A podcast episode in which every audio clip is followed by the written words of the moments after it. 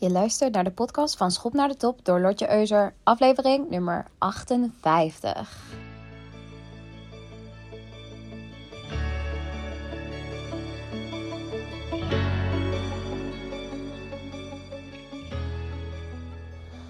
Yes, yes, yes. Goedemiddag en welkom bij een nieuwe aflevering vandaag over ja, lastige klanten. En uh, voor we erin duiken, ik wil even meedelen. Wat is het koud hè, deze week? ik ben echt niet meer gewend aan deze temperaturen. En in het appartement waar ik woon in Arnhem heb je dus twee voorkeuren wanneer het op de verwarming aankomt. Standje tropisch of ijskoud. En nou ja, ik ga er maar voor ijskoud. Word je hard van. Uh, lekker met dekentjes en zo. Maar het is wel echt even afzien. En ik, ik vind het echt, ik vind kou echt heel naar. En nou heeft een van mijn klanten, die heeft mij laatst uh, die app van uh, Wim Hof aangeraden. Je, de Iceman. En daarin staan dus uh, ademhalingsoefeningen.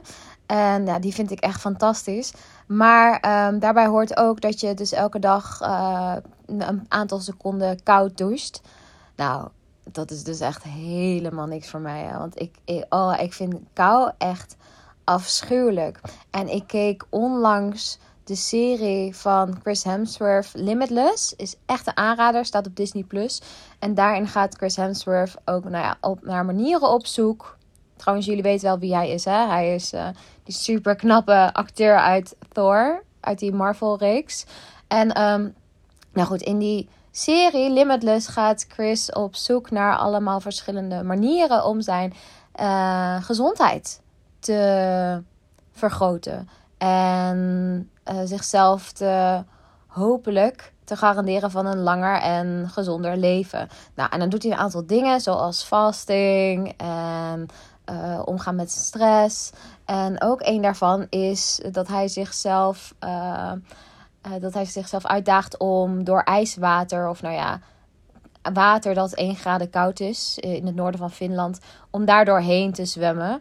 En dus ook uh, nou ja, zichzelf aan te leren om een paar keer per week dan ijsbaden te nemen. En naar de sauna te gaan en dat warm en koud af te wisselen. Want dat is dus blijkbaar heel erg goed voor je lichaam. En in die Wim Hof app staat het dus ook van, weet je, dat het heel goed is om je douche af te sluiten met uh, een koude douche. Maar oh, daar ben ik dus mentaal nog niet aan toe. Dus uh, dat doe ik nog niet. Maar mocht ik op dat punt zijn beland, dan zal ik het jullie laten weten. Oké, oké. Uh, terug naar het topic van vandaag. Lastige klanten. Ik weet nog niet helemaal op dit punt hoe ik, de, uh, hoe ik deze aflevering ga noemen. Maar het wordt iets met lastige klantsituaties. Want kunnen klanten lastig zijn? Ja, zeker. Of misschien zijn klanten niet lastig, maar ze kunnen zich heel lastig gedragen. En ze kunnen jou ook heel erg lastig maken. En daar moet jij dan weer als ondernemer of als salespersoon of als accountmanager of algemene manager of wat je dan ook doet als ZZP'er mee dealen. En mocht je nou deze aflevering luisteren en denk je van ja, maar ik doe eigenlijk niks met sales. Nou, ook als je een lastige collega hebt een lastige baas, wat ongetwijfeld ook voorkomt, uh, zal deze aflevering je helpen hoe je hiermee om kunt gaan. En ik kwam op dit onderwerp door een vriendin. Ik was samen met haar uit eten in Utrecht. Het was heel erg gezellig. En ze vertelde over een situatie waarbij zij in haar werk vanuit haar rol als expert bij een klantgesprek zat. Samen met een accountmanager, nog een uh, andere persoon. En waarbij het gesprek uiteindelijk heel anders verliep dan dat het doel was van het gesprek. En nou was die verrassende wending niet echt leuk. Maar het werd echt gewoon een beetje vervelend in dat gesprek. En ze zei ze van ja, Lotje, wat zou jij hier nou mee doen? Wat zou jij hier nou aan doen? En uh, die vriendin werkt IT. Zij helpt bij de pre-sales trajecten ongeveer. En ja, dat is iets wat ik ook aantal jaar heb gedaan. Dus ik vond het ook wel leuk om even mee te denken over die situatie. En ja, het doel van het gesprek waarin zij zat was om de klant uh, te helpen om het product intern te verkopen bij zijn baas. Dus om hem in dat gesprek handvaten te geven hoe hij nou die goedkeuring van zijn baas kon krijgen. Dat was het oorspronkelijke doel. Maar het uh, gesprek uh, nam in het begin al meteen een hele andere wending. Want het product wat zij verkoopt is erg veranderd, is ergens getransformeerd. En als iets verandert, wordt het vaak duurder. Denk aan vernieuwende verpakkingen in de supermarkt van je favoriete tandpasta. Denk een nieuwe verpakking, minder inhoud, hogere prijs. Want zo gaat het namelijk altijd. En dat doen ze heel sneaky. Want dan bij Albert Heijn gaat het uh, uit het schap. Het staat er zo van: ja, dit product is binnenkort niet meer verkrijgbaar. En dan komt er een ander product voor in de plaats. Wat eigenlijk precies hetzelfde is, maar met een andere verpakking. Alleen minder inhoud en een hogere prijs. Oké, ik uh, raak hier. ik word hier altijd zo. Hoe zeg je dat? feisty van. Dat ik, dat, ik, dat ik dat dan even moet vermelden in deze podcast. Maar we gingen even terug naar het gesprek. Dus zij zat in een gesprek en het product was veranderd en uh, ook in prijs verhoogd. Zij zat in dat gesprek vanuit haar expertrol om te kijken of ze die klant kon helpen om het intern bij zijn baas te verkopen. Maar het gesprek ging dus heel anders, want ze waren nog maar net begonnen aan het gesprek. En die klant begon dus een enorme tirade over de prijs. En hij hield gewoon niet meer op. En de accountmanager, wiens rol het was om het gesprek te leiden, die wist niet meer wat hij moest zeggen. En die viel stil. Waardoor mijn vriendin dacht van ja, oh, wat is dit nu? Ik zat, ik zat hierbij om op inhoudelijk vlak te helpen. Maar ja, hier kan ik dus helemaal niks mee. En niemand kon eigenlijk ingrijpen in die situatie. Waardoor die klant heel erg vrij baan kreeg om maar zijn frustraties te blijven uiten. En wat er ook werd geprobeerd, Ehm, die klant bleef maar doorgaan en uh, bleef maar doorzeuren over die prijs, over die prijsverhoging. Dat het schandalig was, dat ze zich moesten schamen. En nou, ik weet niet wat hij allemaal heeft gezegd, maar ongeveer als een klant boos is over de prijs, hoor je ongeveer vaak hetzelfde. um, en toen moest ik nadenken, toen moest ik ook een beetje terugdenken aan de situaties dat ik dat ook heb meegemaakt met klanten. Want uh, ik verkocht een product wat minimaal eens per jaar werd uh, verder omhoog werd geprijsd. Dus minimaal één keer per jaar moest ik dan weer aan klanten vertellen dat het uh, geliefde product wat ze afnamen alweer in prijs werd verhoogd. En ja, daar zijn klanten nooit blij mee. Nooit. Uh, ik ken geen iemand op de wereld die blij is dat een product omhoog gaat in prijs. Dus mijn klanten destijds ook niet. En daar moest je dan ook mee dealen. En daar kwamen ook vaak een hoop emoties bij kijken en verwijten. En ja, ik heb ook een aantal hele heftige gesprekken daarover moeten voeren met klanten. En wat ik heb gemerkt is, omdat ik dit best wel regelmatig heb gedaan, dat het na verloop van tijd steeds makkelijker werd en dat ik me er ook minder door liet beïnvloeden op persoonlijk vlak. Want ik dacht, ja, dit is echt over de prijs over het product, heeft helemaal niks met mij te maken. Uh, maar goed, als mooie bijkomstigheid dat ik dat die vervelende boodschap minimaal eens per jaar moest verkondigen, uh, is dat ik er wel goed in ben geworden om om te gaan wanneer klanten zo, zo'n tirade afsteken en jij denkt, holy fuck, wat gebeurt hier nu?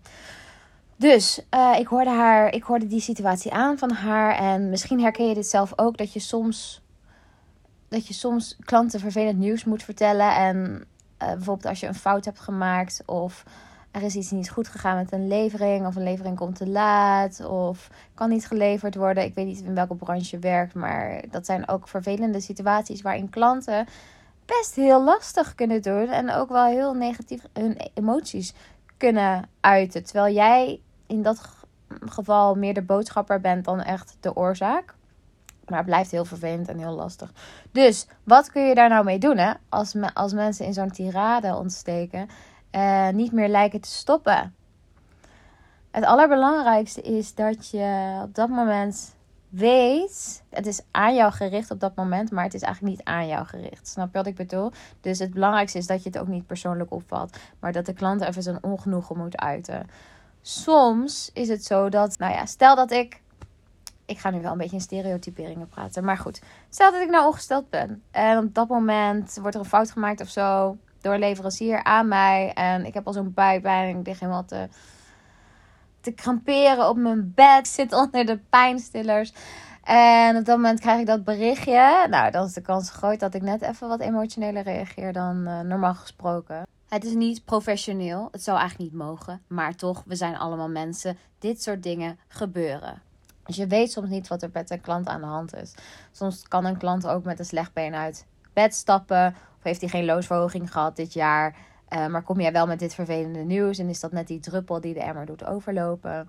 Dus dat je het voor jezelf ook een beetje probeert te relativeren. Dat wat er ook op dat moment gebeurt en hoe intens het ook voelt, dat het minder met jou te maken heeft dan je op dat moment denkt. Jij bent gewoon op dat moment de aanhoorder. Net zoals dat mijn vriendin in dat gesprek samen met de accountmanager de aanhoorder was van de tirade van de klant. Maar als een klant niet kan ophouden, dan denk je ook van, ja, wat moet ik hier nu mee aan? Hoe kan ik hier nu op een constructieve manier mee dealen? En in het gesprek van die vriendin was het doel van het gesprek eigenlijk anders. Maar stel dat die klant zijn tirade begint en jij zegt, ja, maar luister eens, we zitten hier eigenlijk wat voor wat anders. Ja, dan wordt zo'n klant natuurlijk alleen nog maar boos en boter van. Dus wat ik dan altijd aan mijn klanten doorgeef van, oké, toon altijd, altijd empathie. Altijd empathie voor waar de klant doorheen gaat. Want de klant heeft altijd gelijk wat betreft zijn gevoelens. Weet je, hij kan, jij kan niet voor hem bepalen hoe hij zich moet voelen. Die, die gevoelens van hem zijn genuine. Misschien vind jij ze niet terecht, maar ze zijn wel terecht, want hij voelt ze. Dus dat je altijd empathisch reageert. Want ik begrijp dat dit heel vervelend voor je is en dat je dit rot vindt.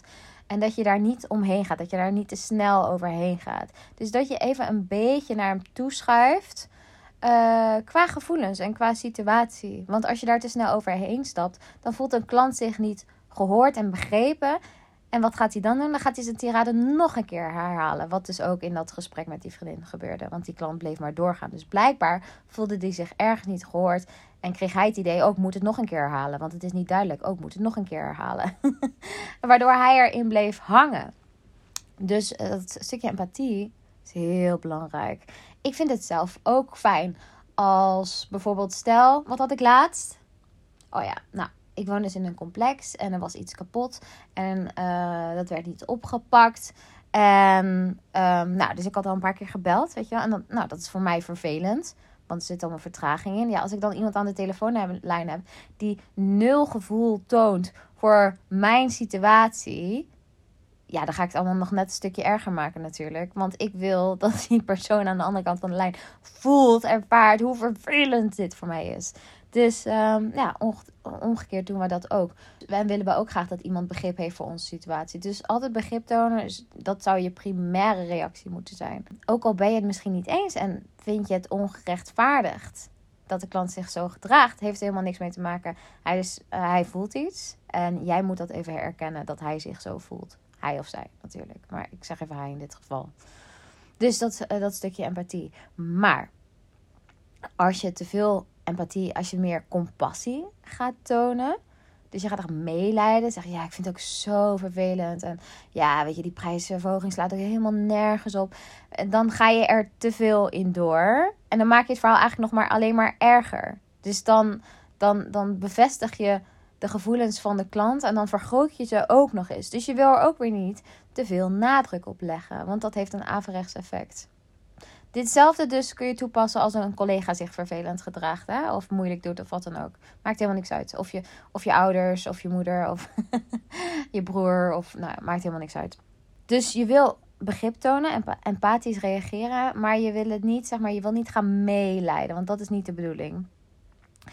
Dus uh, je moet daar een soort van balans in vinden. En op het moment dat je zeg maar, je empathie hebt getoond, dan kun je best wel zakelijk, wat mij betreft, zeggen van ik wil je graag helpen. Altijd aanbieden om te helpen. Ik wil je graag helpen. En we zitten hier vandaag met een ander doel. En dat je daarna even terugkomt op het doel.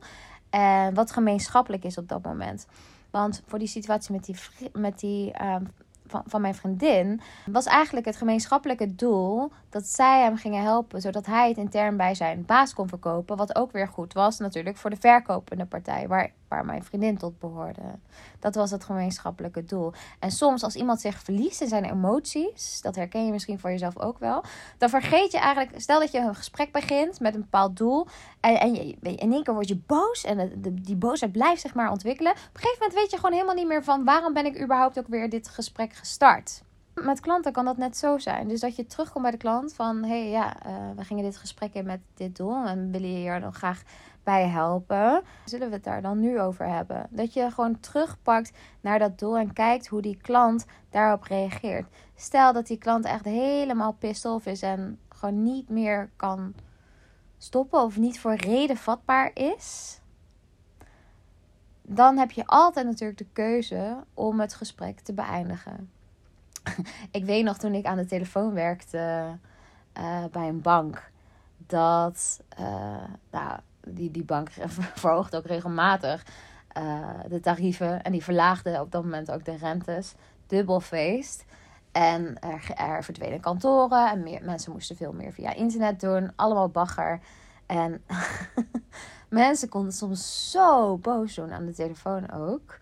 En eh, soms dan dacht ik van, nou weet je wat, ga jij maar even afkoelen. En dan zei ik van, ja, ik ga even wat uitzoeken. Ik zet u even in de wacht. En dan deed ik dat strategisch. Dan dacht ik, oké, als ik ze nu even in de wacht zet, dan kunnen ze weer even tot rust komen. En als ik dan terugkom, dan zijn ze een beetje afgekoeld. En, en zo vaak werkte dit goed. Hè. Er waren maar weinig mensen die echt pist waren dat ze dan ook nog in de wacht werden gezet. Want vaak zei ik van ja, ik ga, ik ga u helpen, ik ga het voor u uitzoeken en daarvoor moet ik u even in de wacht zetten. En dan snapten ze het vaak wel. Maar dat werkte eigenlijk dus heel goed, omdat die mensen even de tijd kregen om tot hun senses te komen. En daardoor konden we het gesprek vaak heel goed afsluiten. Weet je, ze hadden even stoom afgeblazen. Ik zette ze in de wacht. En daarna pakten we het gesprek weer op en waren ze een stuk relaxter. Werkte heel erg goed. En in een gesprek met een klant, als het echt zeg maar, de spuigaten uitloopt, heb je altijd de keuze om te zeggen van als je merkt dat de klant echt niet tot reden vatbaar is, altijd de keuze om het gesprek af te kappen als jij je niet meer veilig voelt. Of als je denkt, ja, dit gaat echt helemaal nergens mee. Ik kan hier helemaal niks mee. Dat je ook gewoon zegt van ja, luister eens, op deze manier kunnen we het gesprek niet uh, voortzetten. Dus je hebt bij deze twee keuzes. Dat kun je ook nog altijd doen. Maar vaak als je empathie toont voor een situatie en daarna weer het gezamenlijke doel op de agenda zet. En aangeeft van hey, ik wil je hier heel graag mee helpen. Dan um, is die bui eigenlijk van de klant alweer over. En kun je daarna weer constructief het gesprek hervatten. Uh, maar om die leiding zo te pakken. Op het moment dat zo'n klant zo boos tegen jou reageert. Ja, dat is natuurlijk niet makkelijk. Want je voelt zelf ook van alles in je lichaam, van binnen. En ik denk dat dat het grootste struikelblok is bij veel mensen. Dat wanneer ze zich in een situatie bevinden waarbij een van de partijen echt super woedend reageert. En dat een beetje als zo'n donderslag bij heldere hemel komt. Dat je soms zo shocked bent. Dat je denkt, ja shit, wat moet ik hier nu mee? En dat je bijna vergeet ook van, oh ja, waarom zitten we hier ook alweer en uh, om het een beetje te relativeren ook voor jezelf. Dat het niet persoonlijk tegen jou gericht is. En als op dat moment, op die momenten dat het juist moeilijk wordt en zo'n zo'n klant echt wel lastig en boos tegen jou doet, ook al kun jij er niks aan doen, is het alsnog belangrijk dat jij weer de regie weet te nemen over het gesprek. Uh, dat je een oplossing aanbiedt. Dat je aanbiedt om mee te denken over een oplossing. Stel dat, je, dat er geen oplossing is. Je kunt altijd meedenken over een oplossing. Soms kom je toch in één keer op iets wat de pijn van de klant al kan verlichten. Al is het maar iets heel kleins. En um, dat je daaraan blijft vasthouden. Dat je jezelf ook niet verliest in die shock. En je eigen emoties. Want we kunnen natuurlijk over eens zijn dat wat, er, wat in ieder geval niet werkt, is dat je terug en agressief gaat terug tegen die klant. Om te kijken wie baas boven baas is. heb ik dat wel eens geprobeerd? Nee, ik geloof ik niet. Maar we maakten wel veel grapjes altijd. Vooral bij de bank, op dat center. Van uh, ja, als je niet oppast, dan, uh, dan blokkeren we je creditcard of zo. Dan blokkeren we je pinpas. Als je nou niet ophoudt met zeuren. oh, geniaal. Ja, maar dat kon natuurlijk helemaal niet tegen klanten zeggen. Maar dat zeiden we achter de schermen wel. Want soms, soms wilde je dat ook gewoon graag. Als een, als een klant zo vervelend deed. Maar goed, nooit gedaan. Ook niet heel per Nee. Dus ehm, het belangrijkste in die situaties met die lastige klanten is dat dat stuk empathie, maar niet verder uitvergroten van zijn pijn en van zijn frustraties. En het direct ook weer ombuigen naar oplossing, doel van het gesprek. En jouw wil om die klant verder te helpen. Want als je daar niet kunt komen, hè, van luister eens, ik zit hier uh, om jou te helpen. Daar wil ik het gesprek verder op richten. Is dat oké met jou? Als je daar ook toestemming voor vraagt, dan zorg je dus ook voor dat die klant ook weer committed is tot hetzelfde doel van het gesprek. Stel dat je zegt, nee, ik ben nog niet uitgeraasd. dat heb ik eigenlijk nog nooit gehoord. Maar vaak komen mensen gewoon wel, worden ze wel weer voor reden vatbaar. Op het moment dat je zegt van, nee, zullen we hier het gesprek over, uh, over vervolgen. Want zo kunnen we jou het beste helpen. Dan uh, zijn er maar weinig klanten die op dat moment nee zullen zeggen. En misschien heb je dit ook wel met een, een baas die boos reageert. Of een collega die, die boos reageert. Het is altijd belangrijk om, om empathisch te reageren en vooral niet snauwig terug te doen, want dan schieten we zelf ook in onze emoties. En het is eigenlijk jouw rol op dat moment om een beetje Zwitserland te zijn. En neutraal te blijven in wat je voelt op dat moment. En uh, op het moment dat je ook de, bijvoorbeeld de gevoelens van de klant bagatelliseert. Van, oh, maar zo erg is het toch niet? Of die prijsverhoging, die is helemaal niet zo hoog. Vorig jaar was die pas hoog. Je, nou, je, je weet misschien zelf wel dat dat gewoon niet werkt. Want dan voelen mensen zich al helemaal niet gehoord. Ik kan er zelf altijd heel erg boos om worden ook. Stel dat ik bepaalde klachten heb of zo, of iemand lacht dat weg, of zegt, oh, dat, stelt toch niks voor. Uh, dat kan ook wel, en misschien herken je dat uit je eigen leven, het kan ook wel behoorlijk uh, frustratie uh, opleveren. Yes, dus dat vertelde ik aan die, aan die vriendin. En ik vond ook eigenlijk dat um, toen ik het verhaal zo hoorde van haar en die klant en die accountmanager Ehm, dan merk je dus dat als er niemand is in zo'n gesprek om het roer om te gooien, om de koers te veranderen van dat gesprek, de koers die die klant op dat moment heeft ingezet met zijn tirade, dat er dus ook weinig constructiefs verder zal gebeuren in, in dat gesprek verder. En dat het eigenlijk een verspilling is van ieders tijd. De klant voelt zich niet geholpen, want zij konden geen korting geven, ze konden niks doen aan de prijs. Uh, zij hadden het gevoel dat ze hem niet konden helpen, want ze zijn helemaal niet toegekomen aan het bespreken van het eigenlijke probleem. Namelijk dat die baas van die klant uh, niet voor het product wilde betalen, of dat hij daar moeite mee had om het product te verkopen aan zijn baas. Dus iedereen blijft dan achter met een unsatisfied feeling. En misschien ook nog wel negatieve gevoelens. Die klant blijft achter met negatieve gevoelens, uh, omdat hij zich niet gehoord en geholpen voelt. En ja, de experts blijven ook met negatieve gevoelens over. Want die denken, nou, wat een kut klant. Dus zo, zo zie je dat als je zelf in dat gesprek geen leiderschap durft te tonen en het roer niet durft om te gooien, dat zo'n gesprek echt ja, tot bagger kan uitlopen. En ik ben natuurlijk heel benieuwd of jij dit soort situaties herkent in jouw eigen werk. En ik weet ook vanuit mijn vanuit mijn ervaring en de ervaringen die ik met klanten heb opgedaan, is dat er eigenlijk maar weinig gesprekken zijn geweest waarbij we er uiteindelijk niet uitkwamen. Ik denk echt letterlijk één op de. Jeetje, één op de 300 of zo. Ik heb heel wat gesprekken gevoerd.